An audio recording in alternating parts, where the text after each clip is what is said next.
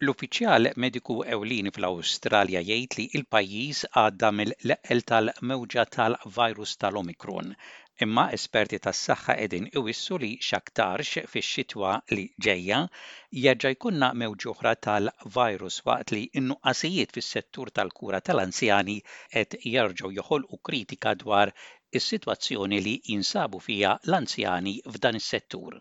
L-Uffiċjal Mediku Ewlieni Paul Kelly jgħid li l-pajjiż għadda mill-agħar tal-pandemija tal-virus Omicron, imma jwissi li din mhix l-aħħar mewġa tal-virus.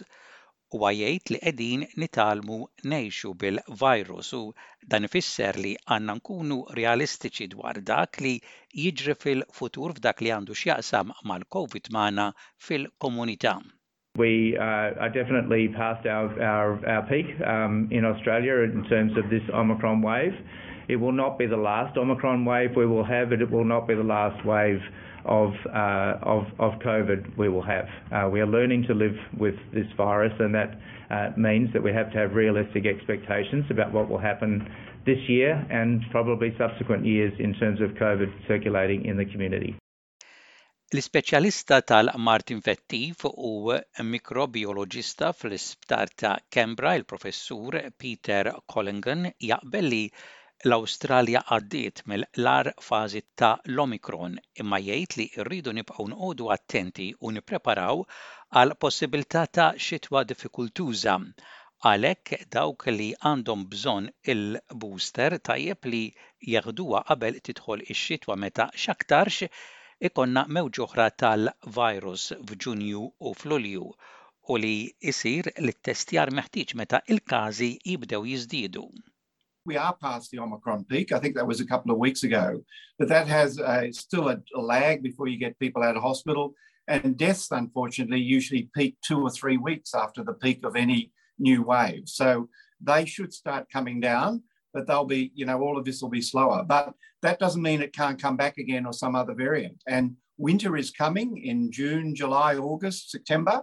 And that's where we, I would expect to see another peak. So we're going to have to do our make sure that people who need boosters are boosted before that, for instance, but also that we take maybe more precautions and have more testing when we see an uptick in cases, which I suspect will be June, July during our winter. Qed ikun hemm kritika fil-mod kif il-boosters tat-tilqim qegħdin jingħataw fis-settur tal-kura tal-anzjani. Kien hemm aktar minn 500 mewt fost ir-residenti fil-kura ta' l-anzjani f'Jannar b'imxija tal-virus f'madwar 1,260 faċilità tal-kura tal-anzjani. Kwart mix-xiftijiet tal-ħaddiema baqgħu battala minħabba nuqqas ta' ħaddiema f'dan il-qasam u l-ħaddiema qegħdin iħallu dan is-settur minħabba il-kundizzjonijiet ta' xogħol u pagi baxxi, it-tnejn kienu kwistjonijiet li eżaminat il-Kummissjoni Rjali.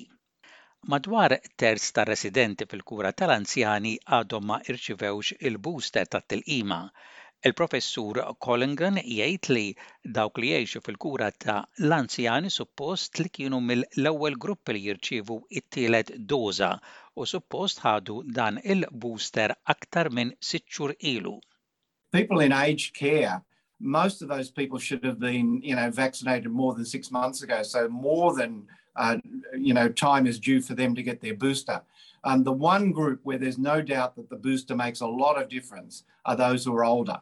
Um, people over the age of 60 in, in particular, but anybody in aged care. So they really need a third dose. And from data I've seen, people over the age of 70, about third of people haven't received a booster yet. Il-Gvern Federali qed jikkonċentra wkoll fuq il-parir ġdid mill-Grupp ta' Konsulenza Teknika fl-Awstralja dwar it-Tilqim, taw l-approvazzjoni tagħhom għaż-żgħażagħ bejn is-sittax u t-tmintax-il sena biex jieħdu l-booster.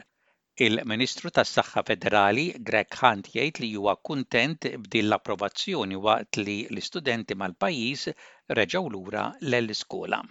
TAGI, the Australian Technical Advisory Group on Immunisation, has provided the second green light that's been necessary to make boosters available for 16 to 18 year old Australians. Uh, what that means is that there will be an immediate group of 380,000 teenagers who will be uh, eligible to have the booster. Um, this is the Pfizer booster, which has been through both the TGA and now the Technical Advisory Group on Immunisation.